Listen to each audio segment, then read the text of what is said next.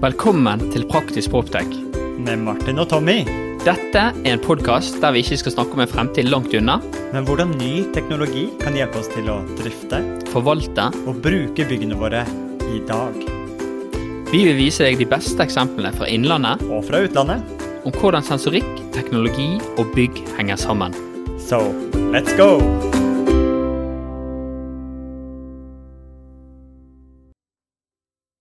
Velkommen til Bergen. Godt å være tilbake. Det er deilig å være tilbake og sitte i et studio eh, her på, eh, i Fyllingsdalen. I Hangarbygget. Egentlig studio kan vi si at det var delvis bygget for Praktisk Proptek. Ja, det, det, Hvis vi sier det, så blir det en Ja, sannhet. ja. Krokarsundveien 11C, et eh, også hjem til Praktisk Proptek, og hjem til eh, en god del hundre IOT-enheter, og en del, en god del hundre disruptive technology. Vi har jo, vi har snakket, Jeg tror vi har sagt det tre ganger under, på episoden vår at nå må vi snart invitere selveste Erik inn og lære hva, hva de har gjort på. Så velkommen i studio, Erik Fossum Færevåg. Mange takk. mange takk. Gründer og CFO i Disruptive. Ja, nå CFO, ja. Ja. Tidligere daglig leder. Men på vei ut av CFO-rollen, han har jo vært der en liten stund, så nå må vi se hva som er neste utfordringen. Men, ja, men det som er, jeg synes det som er så gøy, så sammen med Airtings, som eh, jeg har min dagjobb i, og Disruptive, så er vi jo to IOT-selskaper som virkelig har lykkes internasjonalt med å ta norsk eiendomsteknologi ut i verden. Så det har jo vært på tapetet lenge å få Disruptive inn her i studio, så det er på, Så på god tid. Ja. Eh, Og jeg vet også at vi har gårdeier som er veldig eh, fremoverlent eh, innenfor eiendomsteknologi, kommer inn i studio etterpå og skal prate litt om de praktiske Flott. Eh, erfaringene, gevinstene, de har fått fra å bruke Disruptive eh, her på bygget. Flott. Det er jo et spørsmål vi ofte får. Men hva er den faktiske verdien, og hvordan leverer disse sensorene inn i ulike applikasjoner, og hva brukes de til? tenker Før vi eh, begynner å nerde ut på sensorikk og IOT og optimalisering av bygg, det er greit å bli kjent med menneskene bak teknologien innenfor eiendomsteknologi. Og et godt spørsmål å begynne med. Erik, ror du fortsatt? har du vært og snukket på internett nå? Nei, jeg gjør ikke det. Um, hadde noen fantastiske år um, som junior. Um, og det var uh, Og satset aktivt. Og uh, så er det jo en overgang til man ble senior der. Og jeg fant ut at uh, det var det. Og så ble det det som jeg har brent for hele livet, som er teknologi, fysikk, matematikk og den, den bilden av. Da. Og det er det som har ledet til disruptive sensoren i dag. For du hadde, du hadde en andreplass i NM, stemmer det? Ja, det stemmer. Mm. Vi har gjort eh, Var på, la- bakgrunnen vår. var på landslaget. På landslaget òg. Ja da. Mm, Men du har jo en, du har en eh, utdannelse fra NTNU. det stemmer. eh, Mm. embedded eh, Ja, utvikling. mikroelektronikk. Mm. Men du har også en alls, allsidig personlighet. Du eh, sitter en god del, Bortsett fra den, all den tiden og energien du putter inn i Disruptive, så sitter du i en god del styrer. Eh, alt fra agritech, farmable, greentech. Men også en ting jeg vet merkelig. Et teater. Har du en eh, spirende kunstner i deg? Har du en kunstner i side noen ganger? Har du stått på en scene? Nei, takk for spørsmålet. Nei, vet du hva, um, jeg har ikke det. Men jeg har en um, god venn av meg eh, som startet et eh, teaterforlag som heter Songbird Agency. Uh, Syns det er veldig spennende å, å lære om andre felt også. Eh, ofte så er det jo sånn at man blir inspirert av litt andre inntrykk enn akkurat den bøtten man sitter i hver eneste dag. Eh, så det er eh, en av de tingene jeg gjør for å få litt inspirasjon da, eh, og energi. Og, og perspektiv på hvordan å ta med eiendomsteknologi ut i verden? Nja, kanskje ikke, men det er jo noe med eh, å forstå hvordan selskapet jobber sammen, eh, og også jobbe med bra folk. Julian Berntsen er gründeren av Songbird, og, og en utrolig kjekk person å jobbe med. Mm. Og det gir jo energi. Det er det det gjør. Jeg, jeg husker i jeg tror det var i 2013, så husker jeg det ikke ofte liksom, det vi holder på med, er med på Dagsrevyen. Men det var første gang jeg hørte om du kjøpte. Da mener jeg du var på Dagsrevyen. Det er helt riktig. Eh, Og- Vi hadde et innslag der. Mm. Det var jo, da var jo hovedkontoret i Bergen. Mhm. Eh, og så husker jeg du begynte å snakke om sensorer, og jeg som en skikkelig Så det var første gang du hørte om oss, altså? Ja. det, det må sove litt i timen, for sensorer er jo liksom vært lidenskapet. Men da eh, tenkte jeg bare oi, dette må jeg lære mer om. Men fortell litt, eh, hvordan startet du For du er jo gründer, eller medgründer av Disruptive. Ja, det stemmer. Um, min bakgrunn er fra uh, mikroelektronikk, som, som sagt, ved NTNU. Um, begynte å jobbe under studiene for et selskap som Shipcon, som lages verdens første trådløse radiosender og mottaker, transceiver, i digital CMOS-teknologi. Eh, kort fortalt billige og høykvalitets, eh, kortholds, smalbåndsradio. smalbånds radio eh, eh, kommunikasjonsenheter. Så tidligere så måtte man bygge PCB-er og store, litt, altså mer kompliserte, dyre radioer, men så fikk man dette inn i rimelig chip-teknologi. Um, og det selskapet sammen med Nordic Semiconductor gjorde det veldig bra, og var vel egentlig med på å gjøre verden sånn som vi kjenner den i dag i bygg, trådløs. Det er uh, hundrevis av millioner enheter der ute uh, av disse her i dag. Uh, og, og, og, Bluetooth kom samtidig, og, og er en del av liksom den samme bølgen som, som gikk. Um, så jobbet jeg der nå. Vi ble kjøpt av Texas Instruments i 2005. Uh, jobbet i Texas Instruments noen år. Uh, min tidligere administrerende Geir Førre startet et selskap som het Energy Micro, og jeg fikk ansvar for analogteamet. Uh, og det er på en måte si halvparten av teknologien, da, mm. som, som, er på en chip. Det er jo digital og analog. Um, Foruten det så er det selvfølgelig firmware og masse der, som er veldig veldig viktig når du skal levere en, en IC, eller et, et integrert produkt. Men, men um, uh, den analogbiten uh, er uh, på en sånn IC på en måte det som, det som er nærmest den fysiske verden. og der laget vi verdens mest energivennlige mikrokontroller, kalte vi det. Mm. Men kanskje noe av det aller viktigste rundt det var at vi gjorde det ekstremt enkelt å bruke. Og så så jo noen av oss da at disse mikrobrikkene de de gikk jo inn i, i sensorer, og at det var eh, komplisert å lage gode høykvalitetssensorer med lang levetid for kundene våre. Mye konsulting, mye krevende design, så, så, og særlig da hvis du skulle ha disse dataene enkelt levert bare for logging i et Excel-ark. Så der begynte ideen å spire til kan man gjøre dette her på en, på en bedre måte. Og selvfølgelig da, med bakgrunn fra halvlederbransjen og IC-teknologi, kan man lage et sluttkundeprodukt som er så nært et halvlederprodukt, eller som er så nært et integrert, fullintegrert IC-produkt som mulig.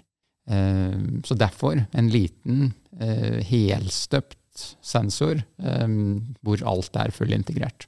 Med mye inspirasjon fra IC-teknologi. Ja, så egentlig du tok jo den ChipCon erfaringen. Ra, eh, små, små radiosendere, chipper. Veldig energieffektive. Kombinerte inntil det minste, for det, formtrykket på en disruptive sensor er mindre enn et frimerke. Det er riktig. Um, og vi har jo også, Det er ganske ikonisk. Det er vel forskjellig størrelse på frimerker òg, men, men, ja. Det er lenge siden jeg har tatt i et frimerke òg, for å være ærlig. Uh, men egentlig tatt det beste fra de to erfaringene og kombinert det inn til å starte Disruptive. Mm. Og dere begynte da, det var, må ha vært før 2013? da? Eh, selskapet ble startet eh, i 2013, eh, i november 2013, og så tok det et halvt år å få uh, medgründerteamet på plass. I begynnelsen tenkte jeg at om vi var fire stykker, så ville vi greie å bygge noe av dette her, eller greie å komme oss opp på noe som kunne vise hva vi skulle selge, så vi kunne på en måte komme i gang. Men det var god interesse om å bli med på dette her. Flere som av de flinkeste jeg har jobbet med, rett og slett, som kom tilbake og sa dette har vi troen på, dette vil vi være med på. Og, og, det på en måte konseptet her, det skal vi greie å levere en ekstrem ytelse på. Uh, så vi var ti medgründere i begynnelsen, da. Oi, Oi wow. Ja.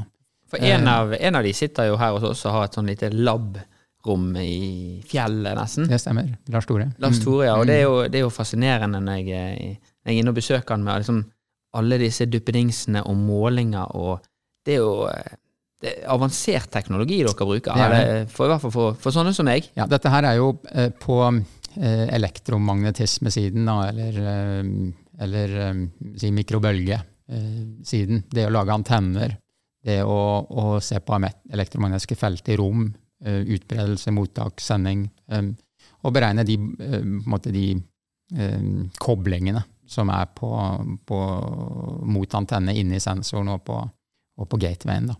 Um, og det som gjør det spesielt komplisert for, for, oss, er at vi kan ikke bruke helt sånn tradisjonelle målemetoder på en sånn liten sensor, for vi har ikke noe Vi, vi må kompensere for jordnivå, eh, jord, jord og, og, og, batteriet er en uh, eller batteriet er en viktig del av antennen vår, som må tas med i beregningen. Mm. Eh, og, og er i stor grad definert vel av batteriet. Mm. Nå, nå, er vi litt, eh, nå er vi plutselig litt inne på, på sensorene. Og jeg tenker en sånn oversikt til, til eh, lytterne der ute som ikke har vært borti Disruptive ennå. hva, hva type For det, sånn som jeg forstår på deg, så er jo ikke det snakk om at dere har utviklet den type senderen eller den. Dere har jo laget et produkt, og så er det liksom spennende å lære hva er det vi kan måle med dette her.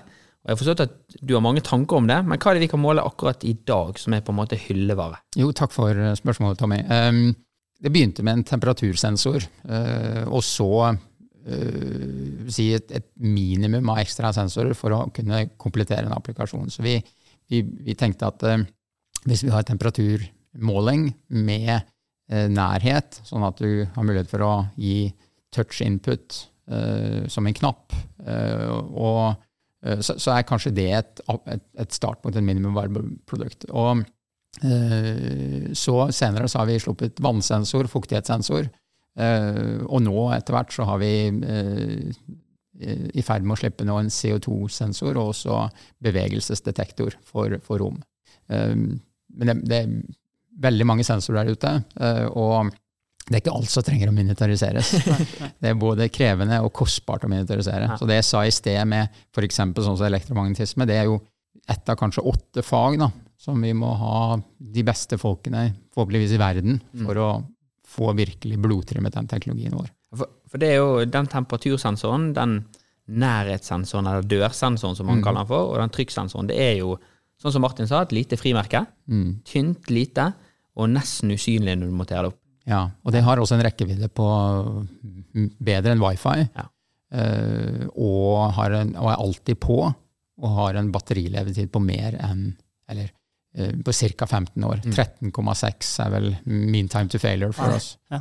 Eh, altså det er helt ekstremt bra for akkurat det. Så er ikke vi vi har ikke en fantastisk ytelse på alle parametere. Altså vi, vi, vi kan ikke rapportere 100 ganger i sekundet, og, og det er ikke verdens mest nøyaktige sensorer nødvendigvis, men, men de er eh, noen av de aller mest nøyaktige innenfor de segmentene vi opererer i, og, og verden er treg. Eh, Vi sender kanskje temperaturdata hvert 30. sekund eller hvert 15 minutt, men det er mer enn nok i de aller fleste eh, virkelige eller ja, realtime-operasjoner. Mm. Det, eh, du var litt inne på det, og du sa det at det er bedre enn Wifi. Meg og Martin vi har tenkt å lage en episode som handler om liksom, å nerde ut med dette her med båndbredde og de ulike protokollene. Litt sånn lett versjon av det nå. Dere kommuniserer på noe som heter 868 MHz i, Europa, samme som Airthings, Martin. Eh, og, og hva er valget for eh, Jeg ser veldig mange går for denne sensorteknologi. Hva er, hva er, litt sånn nerde ut på det. Hvorfor 868? Um, 868 er et bånd som er regulert etter en internasjonal standard som heter ETSI. Um, eller en europeisk standard som heter ETSI. Um, og det er for smalbåndsapplikasjoner.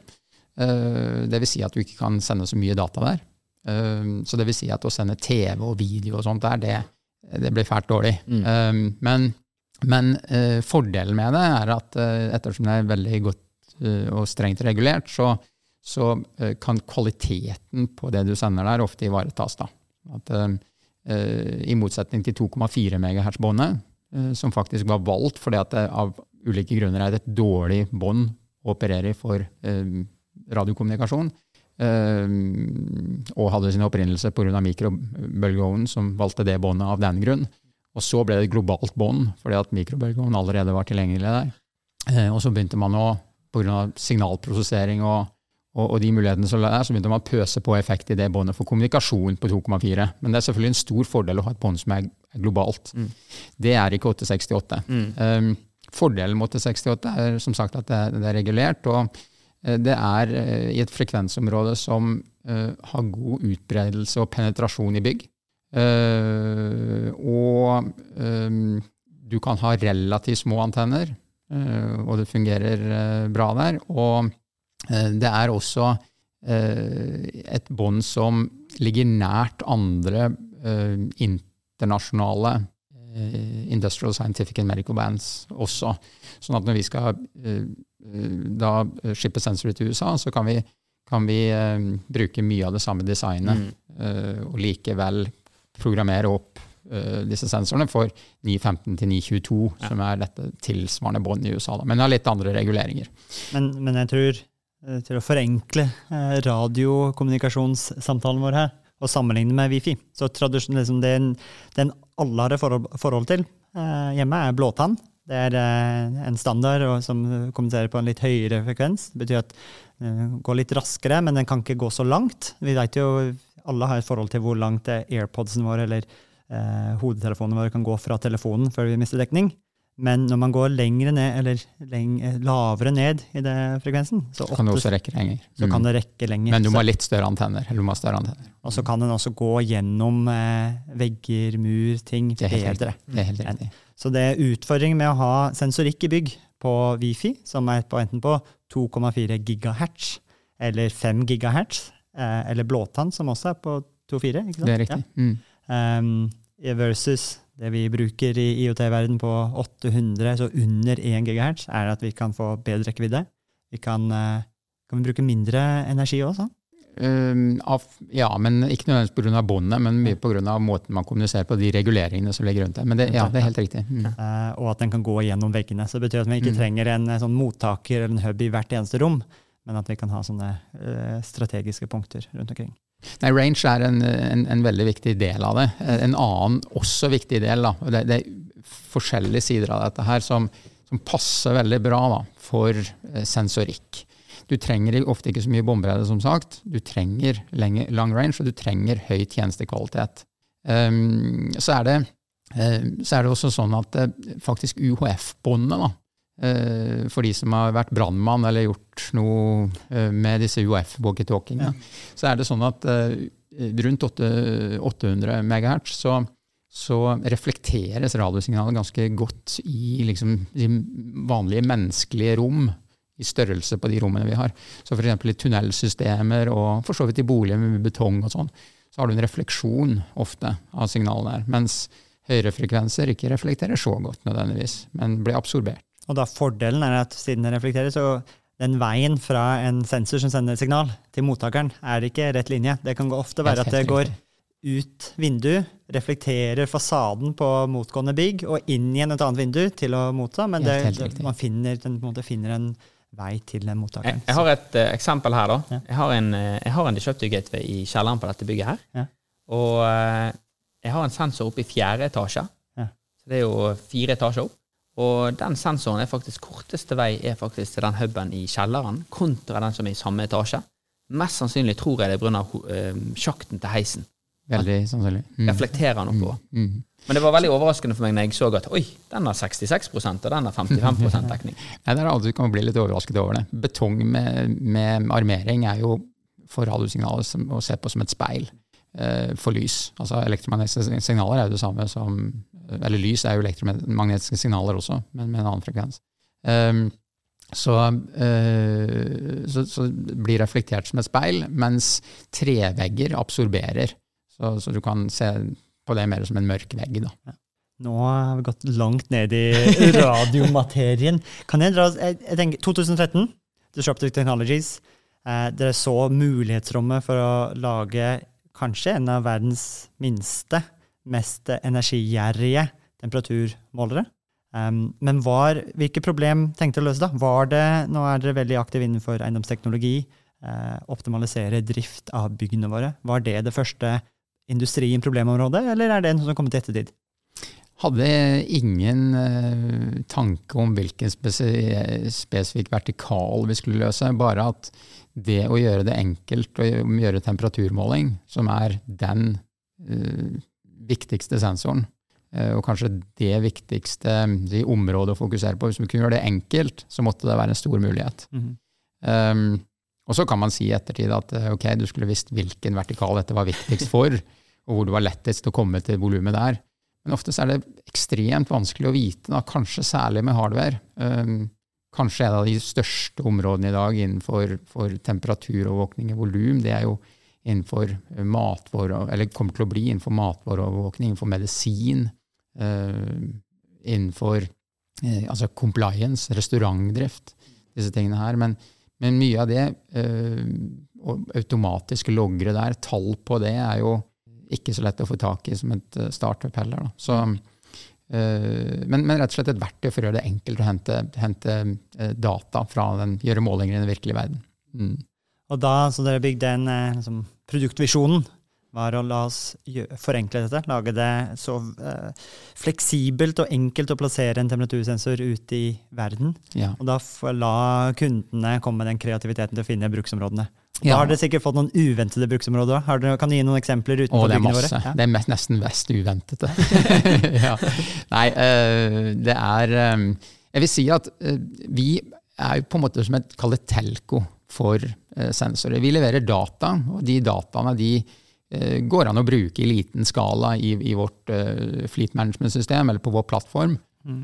Men det vi har lært oss etter hvert, er jo at i skala så krever du forskjellige verktøy. Og jo større skala, jo mer spisset blir ofte de verktøyene. ikke sant? Eh, Så til slutt så er du inne i et eller annet eh, IBM Maximo eh, som har eller annen, et eller annet brukergrensesnitt utenpå seg igjen mot et, drift, et fagsystem et eller annet sted. Eller et arbeidsordresystem som er koblet til en database. Som, så det vi gjør, er at vi leverer data til disse systemene. Men så gir vi mulighet for pilotering i liten skala. Og altså, jeg vil si de fleste bruksområder som ikke har vært liksom helt åpenbar, har vært en, en overraskelse og en læringsreise for oss, da, eh, siden du spør om det. Eh, validering av vasking, f.eks., er det viktig? Eh, kunne liksom ikke forstå det. Har man noen som jobber med rengjøring, så rengjør de sikkert. og og det, og det, blir sikkert bra. Um, men så viser det seg at det er en kjempemulighet.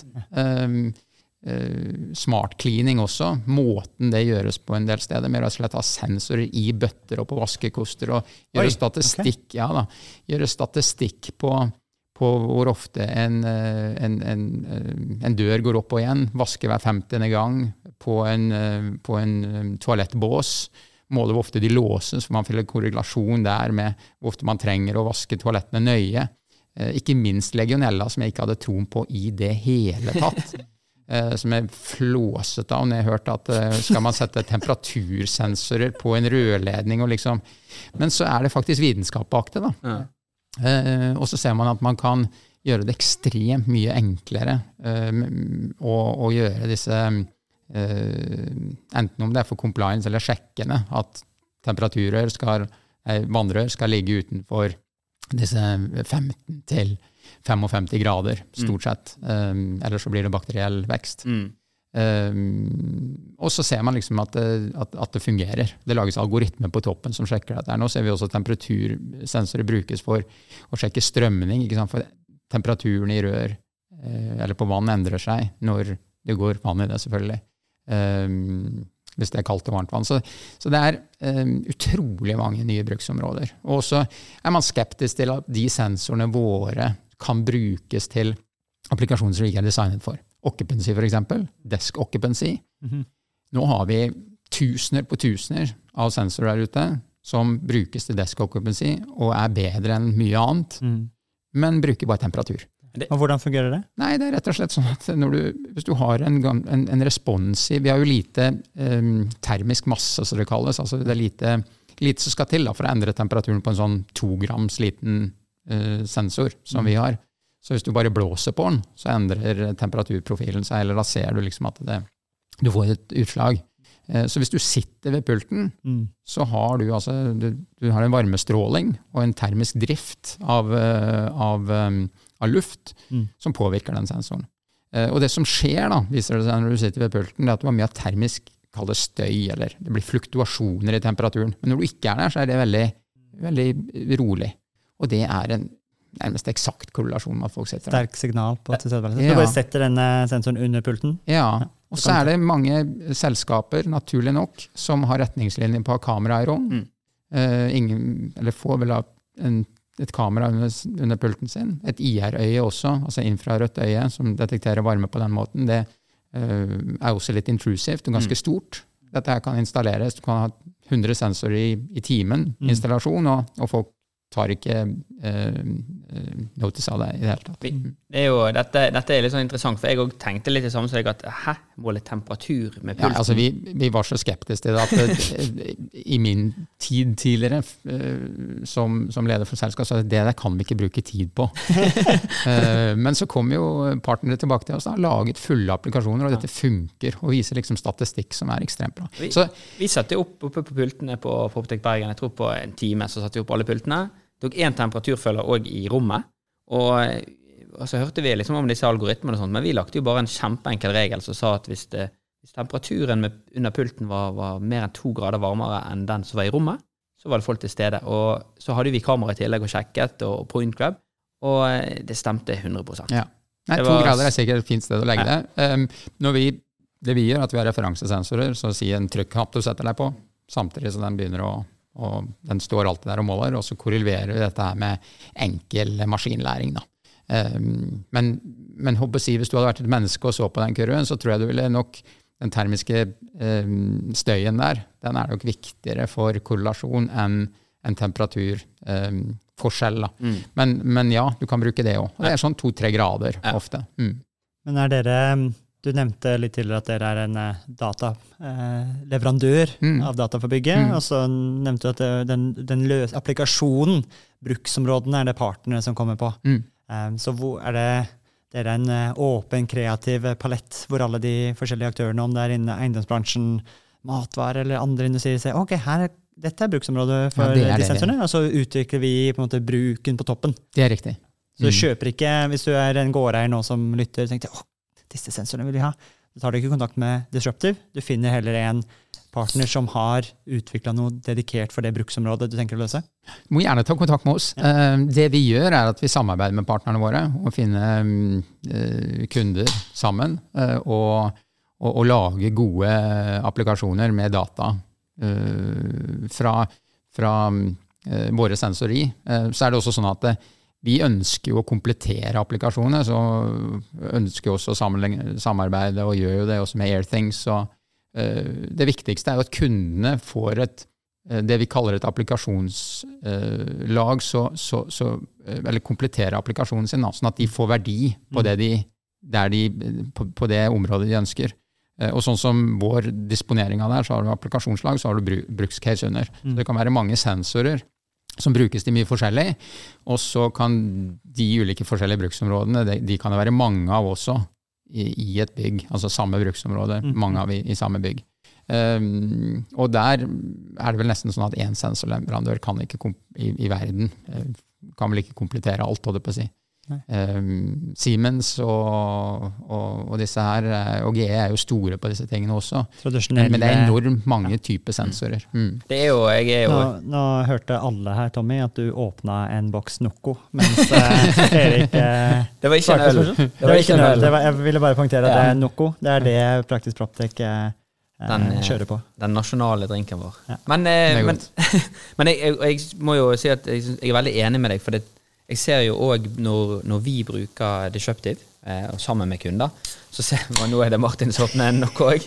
Men når vi, eh, åp- når vi bruker Disruptive sammen med kunder, så ser vi at verdien blir jo ofte mye mye større når vi kombinerer det med sånn som Airthings eller energi fra Hark, som vi snakket med tidligere, og faktisk ser at oi, når det er så mange her på jobb, eller når det er så mange her, så øker energiforbruket sånn. og det er jo, det, jo mer du vet om bygget, jo, jo, jo større ja, bilde er det.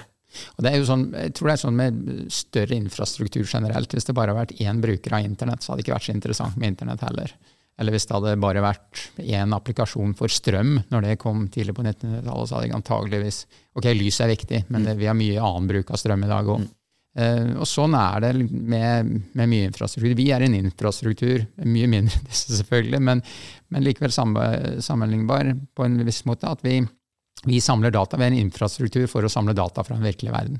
Og så kommer det flere aktører med oss som har sine områder som de gjør veldig bra også. Og så har du applikasjoner på toppen som binder sammen dette her, og gjør det markedsspesifikt, eller vertikaliserer det, sånn at de tjenesteselskapene som bruker den softwaren på toppen, får den verdien som de trenger. Um, Det er ikke gitt at en nærhetssensor skal brukes til å detektere om en dør er åpen eller lukket. Det er uendelig med bruksområder. Mm.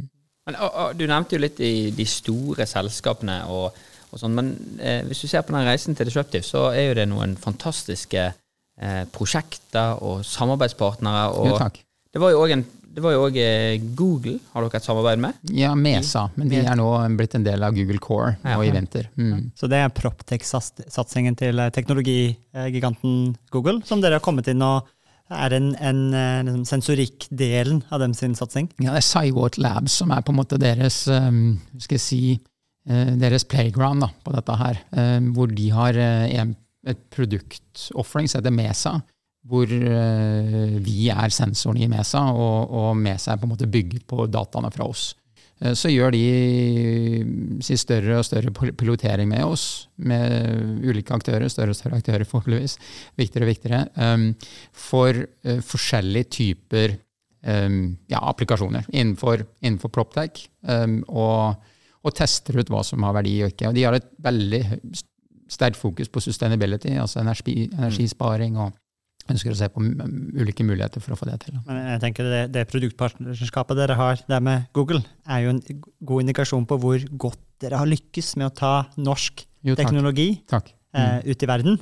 Um, og virkelig uh, funnet uh, partnere på den globale scenen. Det er flere industri industry analysts, sånne, som ser på markedet innenfor teknologi og kjøp av teknologi. Gartner er en uh, kjent en, og uh, Forrester og Verdantix de måte, ser okay, hvem er mm. leverandører innenfor mm.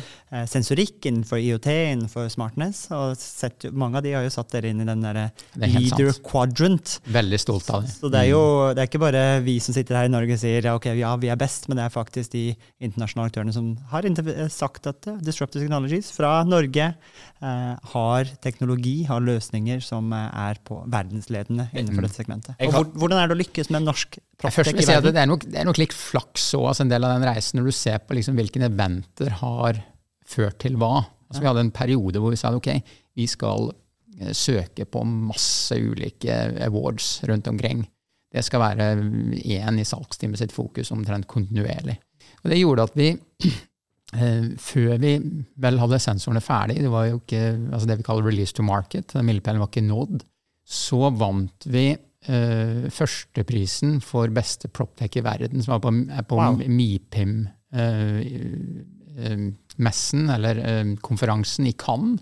Og, og, og, det er en MIPIM er en alliance blant eiendom som, eh, som, som er veldig anerkjent, det er vel den største i verden.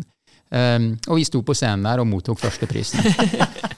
blir... Og det var en sånn enorm interesse rundt det, så jeg har aldri opplevd maken. Um, men ikke sant, når du får en sånn um, Egentlig litt ufortjent, vi var ikke ferdig med produktet. Vi hadde jo vist at kanskje vist at dette virket i liten skala, men ikke i stor skala.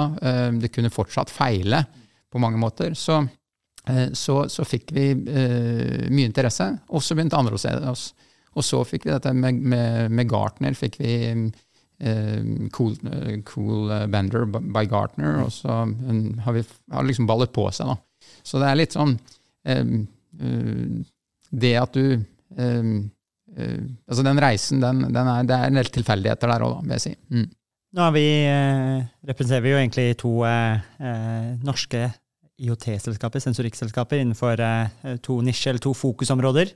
men kan jo godt si at vi har to selskaper som har lykkes veldig godt. Det, ikke, det kan ikke bare være tilfeldigheter at det er to selskaper fra Norge som er innenfor lederkvadrantene innenfor IOT. Hvorfor tror du at eh, norsk proptech, norsk eiendomsteknologi, har greid å lykkes internasjonalt innenfor det feltet?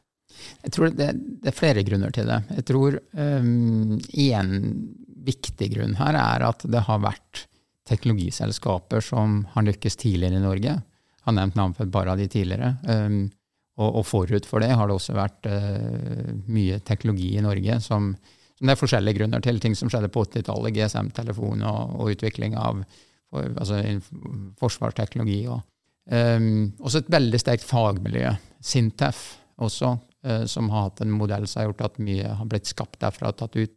Um, og så etter hvert at det, en del av den teknologien som, som, som har lykkes der, um, og realisering av de selskapene har gjort at gründere og andre rundt de har fått penger videreinvestert.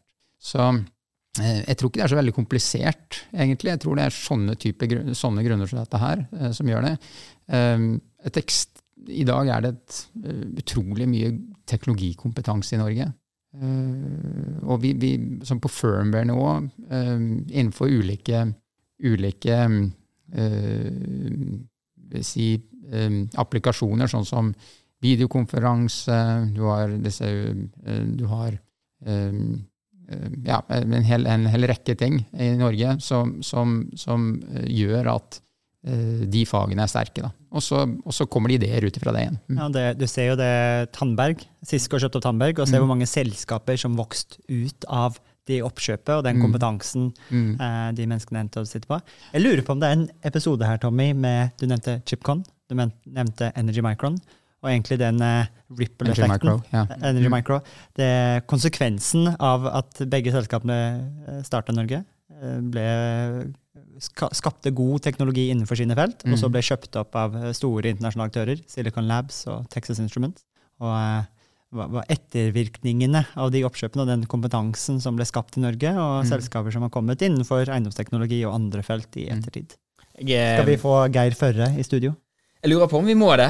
det er jo, eh, han, er jo en, eh, han er jo investor både i Disruptive og i Airthings.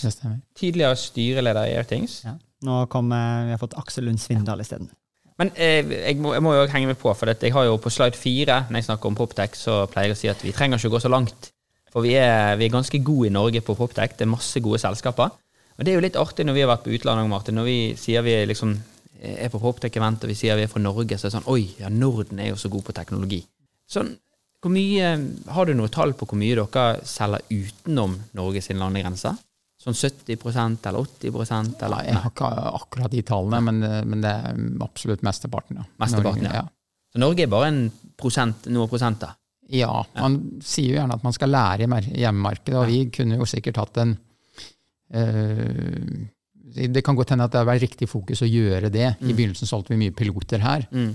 Uh, men av forskjellige grunner så har ikke vi vært så gode å følge opp på det, kanskje. Um, men vi har mest salg i UK og nå etter hvert i USA. Da. Mm. Spennende. Nå kommer snart eh, daglig leder eh, inn i studio, og så får vi prate noen praktiske bruksområder. Men før eh, vi lærer litt mer om hvordan Disruptive blir brukt her på bygget, eh, jeg tenker det neste steget, den vyen, er jo når vi prater om bruksområder som går på renhold, vi går på legionelle, rapportering, innsikt, forståelse av bygget. Virkelig til å få den miljøgevinsten, energibesparelsen, så er det jo å kunne prate med de andre tekniske komponentene på bygget, bli en del datagrunnlag til å kunne optimalisere bygget. Hvor, det, hvor mye kan Disruptive bli brukt til å faktisk styre bygget? Altså, um, Hvis du sammenligner oss med et menneske, da, så er disruptive det er sansene. Altså Vi tar dette inn, men vi prosesserer det ikke. Vi leverer rå data. Uh, og så må det noe til som prosesserer det, og det er disse applikasjonene som vi snakket om. AI fra forskjellige steder. Integrasjonsselskapet kommer til å jobbe mer og mer med dette her, mellom ulike applikasjoner. Um, og så er det aktuatorer som skal utføre dette. her. Den aktuatoren nå i begynnelsen er mye mennesker gjennom arbeidsordre. Men dette kommer også til å automatisere. Så etter hvert så blir det en mer og mer autonom verden her også for bygg. Og det gjør at um, man kan bli mer, man kan drifte dette her mer, mye mer effektivt og med høyere kvalitet. Og det tror jeg liksom er uh, bare nærmest uunngåelig hvis dette får fortsette, at, at, at, at, sånn blir det. For det er så enorm oppside av det. Det er, eh, det er mulig å etter hvert fjerne kostnader nærmest fullstendig. Jeg, litt sånn Oppfølging på det spørsmålet der er jo at det er å agere og styre. Og Noe jeg eh, bruker mye tid på i dag, det er jo å forstå dataene. Sant? Vi har masse data, eller Når vi får ut sensorene, så får vi masse dataene. Eh, og, og hvordan, hvordan, fungerer dette her egentlig? Ser du noen selskaper ute i verden som er flinke å lage gode rapporteringsverktøy ved hjelp av dataene? At her er actionable insight?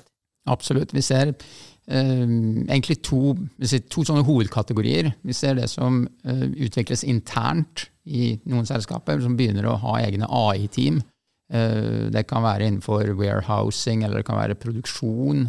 Eh, eh, men det kan også være relativt mer enkle systemer, altså hvor det er sånn triggerbasert. Men, men det, den andre siden av det, det er disse mer generelle applikasjoner som har, har bygget seg ferdig, er i skyen. Mm. Og så det neste store strategiske steget for dem er at istedenfor at det er to tommeltotter som de taster inn på en iPad eller prøver å registrere hva som skjer, så vil de ha disse dataene uh, automatisk inn, og at ting bare skjer. Mm. Så, så, og, der, og det er jo i ferd med å skje i stor skala. Mange har sikkert merket at rengjøringspersonalet uh, nå går med iPader. Uh, mens uh, tidligere så var dette papirarbeid. Så vi er i ferd med å få digitalisert disse applikasjonene. Og så er det det å gjøre eh, observasjonene og automatisere det. Og det er det vi, vi eh, ønsker skal skje i større og større grad. Da tror jeg dessverre at vi kom til enden av denne trekvarts-episoden av Praktisk Proptech. Jeg tror eh, Bente er, står utenfor og venter på å komme inn. Så mitt navn er Tommy. Erik Fossen Færvåg. Og jeg heter Martin, og du har nettopp hørt på. Praktisk Proptech! Okay. Da er vi tilbake igjen i dette fantastiske studioet som har blitt eh, bygd opp i eh, første etasjen av eh, Krokarsjønveien 11C, med kun gjenbrukte materialer. Vi sitter jo ved siden av dette ventilasjonsanlegget. Det er ikke lenge siden Erik gikk ut. Nei, han har nettopp eh, passert oss, og eh, vi har fått en ny gjev gjest inn i studio. Og vi har jo hatt eh, 50 av, av dette selskapet i studio. Vi har hatt Anja tidligere på Ja. Unlock, og nå er vi så heldige å kunne ønske velkommen til daglig leder i Angard, Bente Haugsdal. Velkommen inn i studio. Takk for det. Spennende. Det er jo egentlig ditt studio vi sitter i. Ja. Jeg skulle si også velkommen inn til ditt eget studio! Velkommen til meg. Takk, Men, takk, takk for eh, det. Men eh, vi, har, vi, vi hørte på forberedelsen her at eh, dette er første skikkelig offisielle podkastinnspilling du er med på. Det er det faktisk. Det er litt eh, gøyt, Martin. Det er- At, eh, vi, vi er veldig stolt hver gang vi har en ny podkastgjest som ikke har vært med på podkast. Vi lagde jo en liten unboxing. Vi bidro jo litt til å sette opp studio når dere bestilte alt, og, fikk, eh, og vi hadde Hva het han fra Miljøbygg? Walter. Walter, ja. Legenden Walter, som er så flink til å se potensialet i alt eh, brukte materiale. Eh, men den, da lagde vi en liten video, som vi burde kanskje linke den, i shownotes. Den legger vi med. The Making of the Studio. Um, og det var en av de mest populære litt snuttene vi har delt på LinkedIn. Så det var populært å se et uh, podkaststudio bli til her i, i Angard, byen Angard.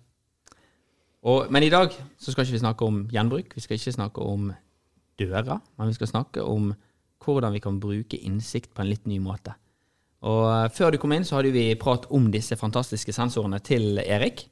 Og her har jo vi hatt muligheten til å bruke det. Der dere egentlig har utfordret meg mye på og sagt at kan vi få data om dette? Så før vi går inn på det, hva tenker du om disse mikroskopiske sensorene som Erik har? Det er litt vanskelig å skjønne egentlig hva de kan brukes til før de blir eh, tatt i bruk praktisk. Men eh, kjempegeniale eh, nå i etterkant når vi ser dataene vi kan samle inn da, ved å henge opp sensorer forskjellige plasser. Vi har jo, vi har jo gjort masse, og Martin har jo sagt at nå vil vi lage en topp tre-liste. Og Jeg tror du skal få lov å rangere den, da. Men eh, hvis vi begynner med å, å si liksom topp hva vi har gjort, og så tenker vi på alt vi har gjort, hva ville du ha, ha gitt tredjeplassen i hva vi har hentet ut av verdifulle data? Tredjeplassen, ja. Det er kanskje le- legionella, ja. Eh, vi har jo satt sensorer på eh, varmtvannsrørene for å, å ja, ha kontroll på temperatur. For, eh, for å unngå legionella så skal det jo være en viss eh, temperatur på, på disse rørene. Og det, det er jo veldig nyttig å ha på plass, eh, og eh, som, der de kan generere alarmer hvis eh, temperaturen er for lav. Hvilken temperatur, hvordan fungerer legionellemonitorering på varmtvannsrør? Hvilken temperatur er det vi skal monitorere? Dette her er jo, dette er jo det gøye, sant? for dette her er jo eh, nesten på alle bygg i dag en manuell oppgave, der vi går rundt og, og leser av gjerne ukentlig annenhver uke hvor mange grader det skal være, og da skal vi krysse av for at det har vært over jeg mener det er 65 grader eller noe sånt. Sikkert noen som vil kverulere med at det skal være 63, men over 60 en plass. eh, og det skal jo det helst være innenfor et visst tidsaspekt. Hvis den er for lav for lenge, så, så har vi grobunn for disse legionella-bakteriene. Men nå har vi denne frimerkesensoren som er på utsiden av røret. Kompenserer man da temperaturen i forhold til at det er inni rør eller utenfor rør? Det, det som vi har gjort her, er jo det at eh, her er jo det teknisk eh, sjef, Frank, eh, som har montert dette her. Så det er jo ut, de er klistret utenpå røret. Og så er det brukt en liten sånn eh, eh, sånn som overfører varme. Ja. Og så er det kalibrert opp mot den eh, temperaturføleren som er inni der, manometeret. Ja. Og så har vi på en måte kalibrert det sånn at de to er helt like. Ja, okay. Og litt kontrollmål med, med noen laserskyter i tillegg. Ok, Så da har vi gått fra tredjeplassen går til eh, ta manuell, legionelle dokumentasjon og kontroll til å bli digitalt med egne alarmer. Og på andreplassen av eh, Bente sin bruksmønster for disruptive technology-sensorer. Da har vi smart renhold. Smart renhold. Ok, Hvordan fungerer det? Da har vi satt eh, sensor i, eh, på dørene til forskjellige lokaler. Og eh, det kan være seg toalettdørene, møterom, kontorlokaler, som viser trafikken, måler trafikken inn og ut av lokalet. Sånn teller hvor mange ganger dørene har gått opp? Ja. Så det kunne være en herredo, damedo, et møterom, og så får du et tall. Eh, da, men da må jo det renholdspersonalet få tilgang til det tallet til å vise relativt hvilket rom er mer brukt eller mindre brukt. Det gjør de. De får eh, opp en eh, De får sett en skjerm eh, som viser Der er definert bruken, på en måte, hva eh, innenfor rødt og Rødt og, og oransje og, og, og grønt. Rødt, røde lamper lyser hvis det har vært mye brukt og det er behov for eh, renhold. Så fokuset skal være på at renholdet foretas der i forhold til bruken. Eh, og hvis det er et rom som ikke har vært i bruk, så eh, har en heller ikke behov for å gjøre renhold på det rommet akkurat da. Og hva tenker renholdspersonalet om denne digitaliseringen? De tok utfordringen på strak arm. Jeg tror de syntes det var litt spennende. Istedenfor å gå på autopilot og gjøre rent de samme plassene, om lokalene har vært i bruk eller ikke. Så, så de um, kommer opp, kikker på skjermen eller opp med telefonen sin, og, og, og tror de syns det var litt, spennende og litt uh, nytt. Ny måte å tenke på. Så har vi, alt, så har vi en sånn en måte liste i tillegg som på på de områdene som en gjør periodisk renhold, som en kan supplere opp med hvis en har tid til overs, fordi at en ikke trenger å gå like nøye til verks overalt i lokalet. Men denne telleren på de dørene, er det en måte for de å nullstille det tallet da, etter det faktisk har blitt renholdt? Eh, Logikken som er lagt opp, er jo det at eh, vi har lagt en tidsintervall, så vi vet når de kommer. Og så er det egentlig telt opp basert på en eh, fra sist periodisk renhold. Men vi kunne òg ha lagt en veldig enkelt reset-knapp, for som Erik viste oss, så har jo de òg disse knappene.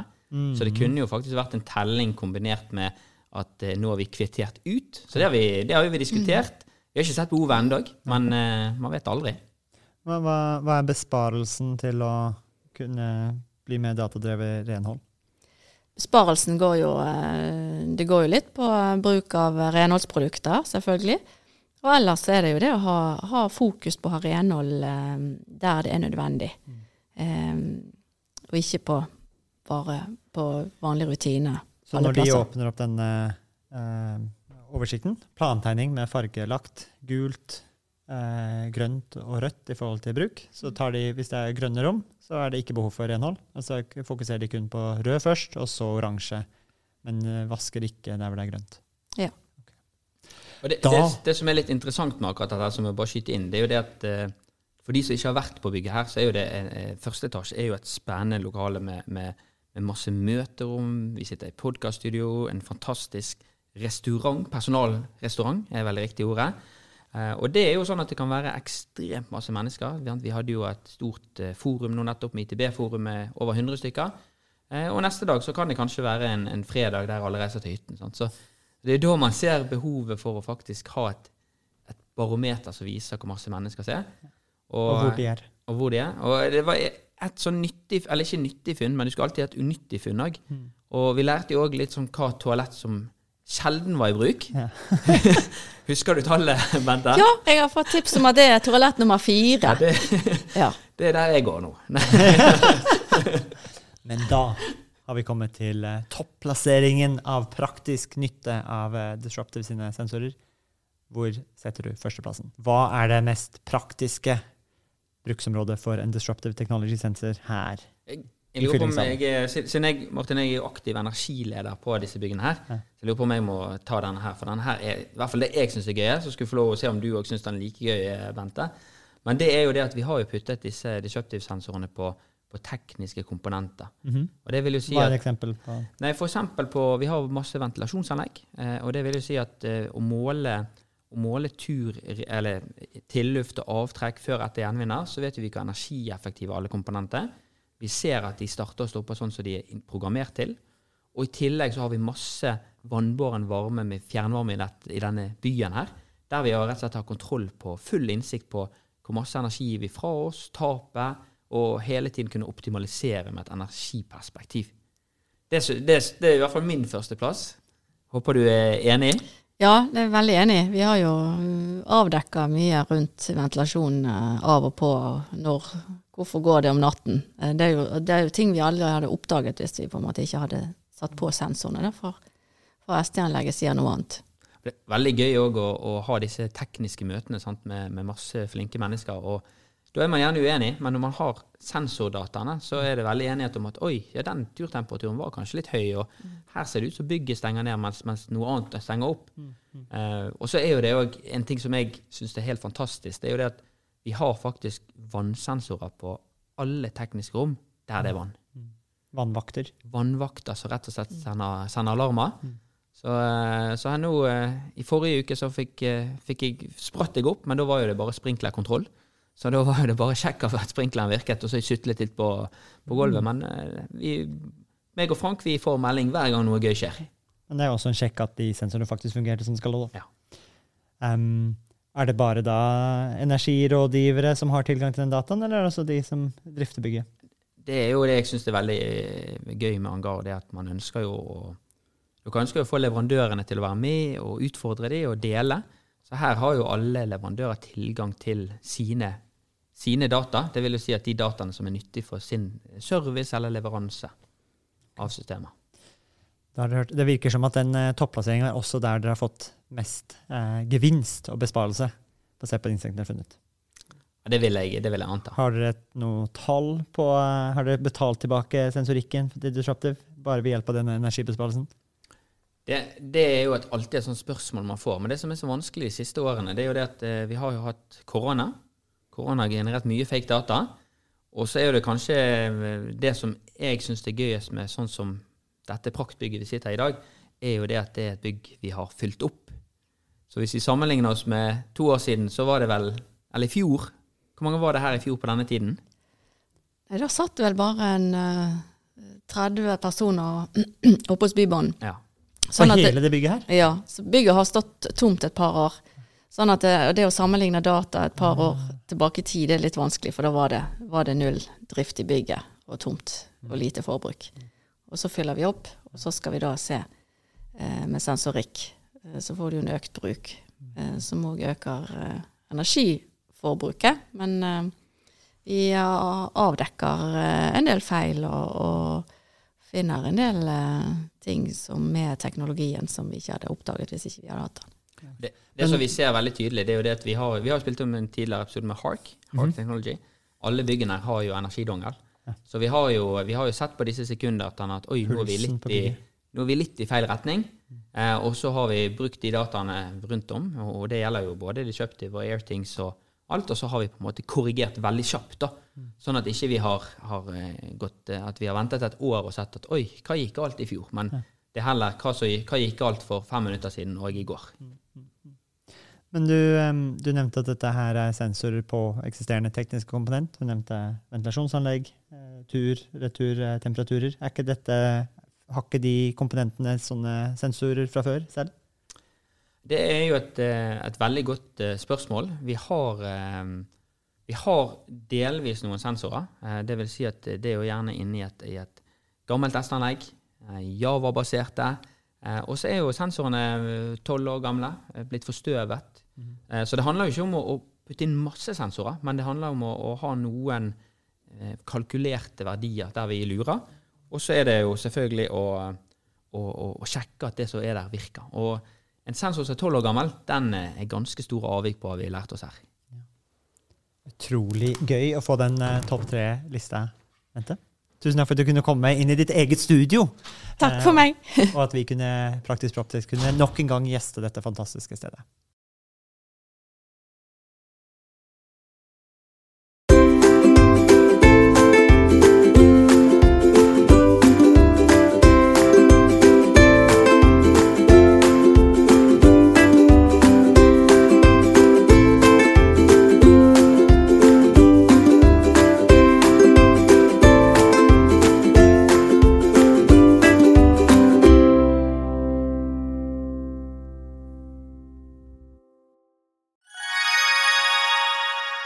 Da dere er 2024 i gang, og et av høydepunktene på starten av året er jo sett sammen et årshjul, og det har vi også gjort, Tommy.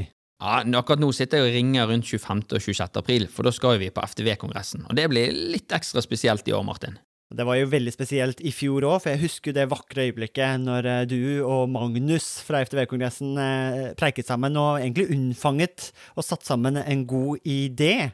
Og det var jo invitasjonen til eh, Proptech-dugnaden, som også blir et høydepunkt i år, ikke sant, Magnus, på FTV-kongressen 2024? Jo, det stemmer det. Vi setter godt med plass eh, i år til, eh, til dugnaden. En god og sprø idé for å sette praktisk Proptech ut faktisk i livet og vise hva vi får til, ikke bare fortelle. Det var jo, det var jo veldig gøy, for jeg husker da jeg skulle pitche dette til deg, så tror jeg du avbrøt meg og bare sa 'vi er med'. Og når vi var på dugnaden, så sa du òg at Tommy, dette her må vi ta med oss tilbake på FTV-kongressen. Vi må jo praktisk få dette vekk fra Powerpoint og vise praktisk hvordan vi har gjort det. Og det syns jeg blir litt spesielt i år, at det blir jo for meg en liten reunion av det som skjedde der ute. Men, men eh, FTV-kongressen er vel mye mer enn en, bare en reunion òg?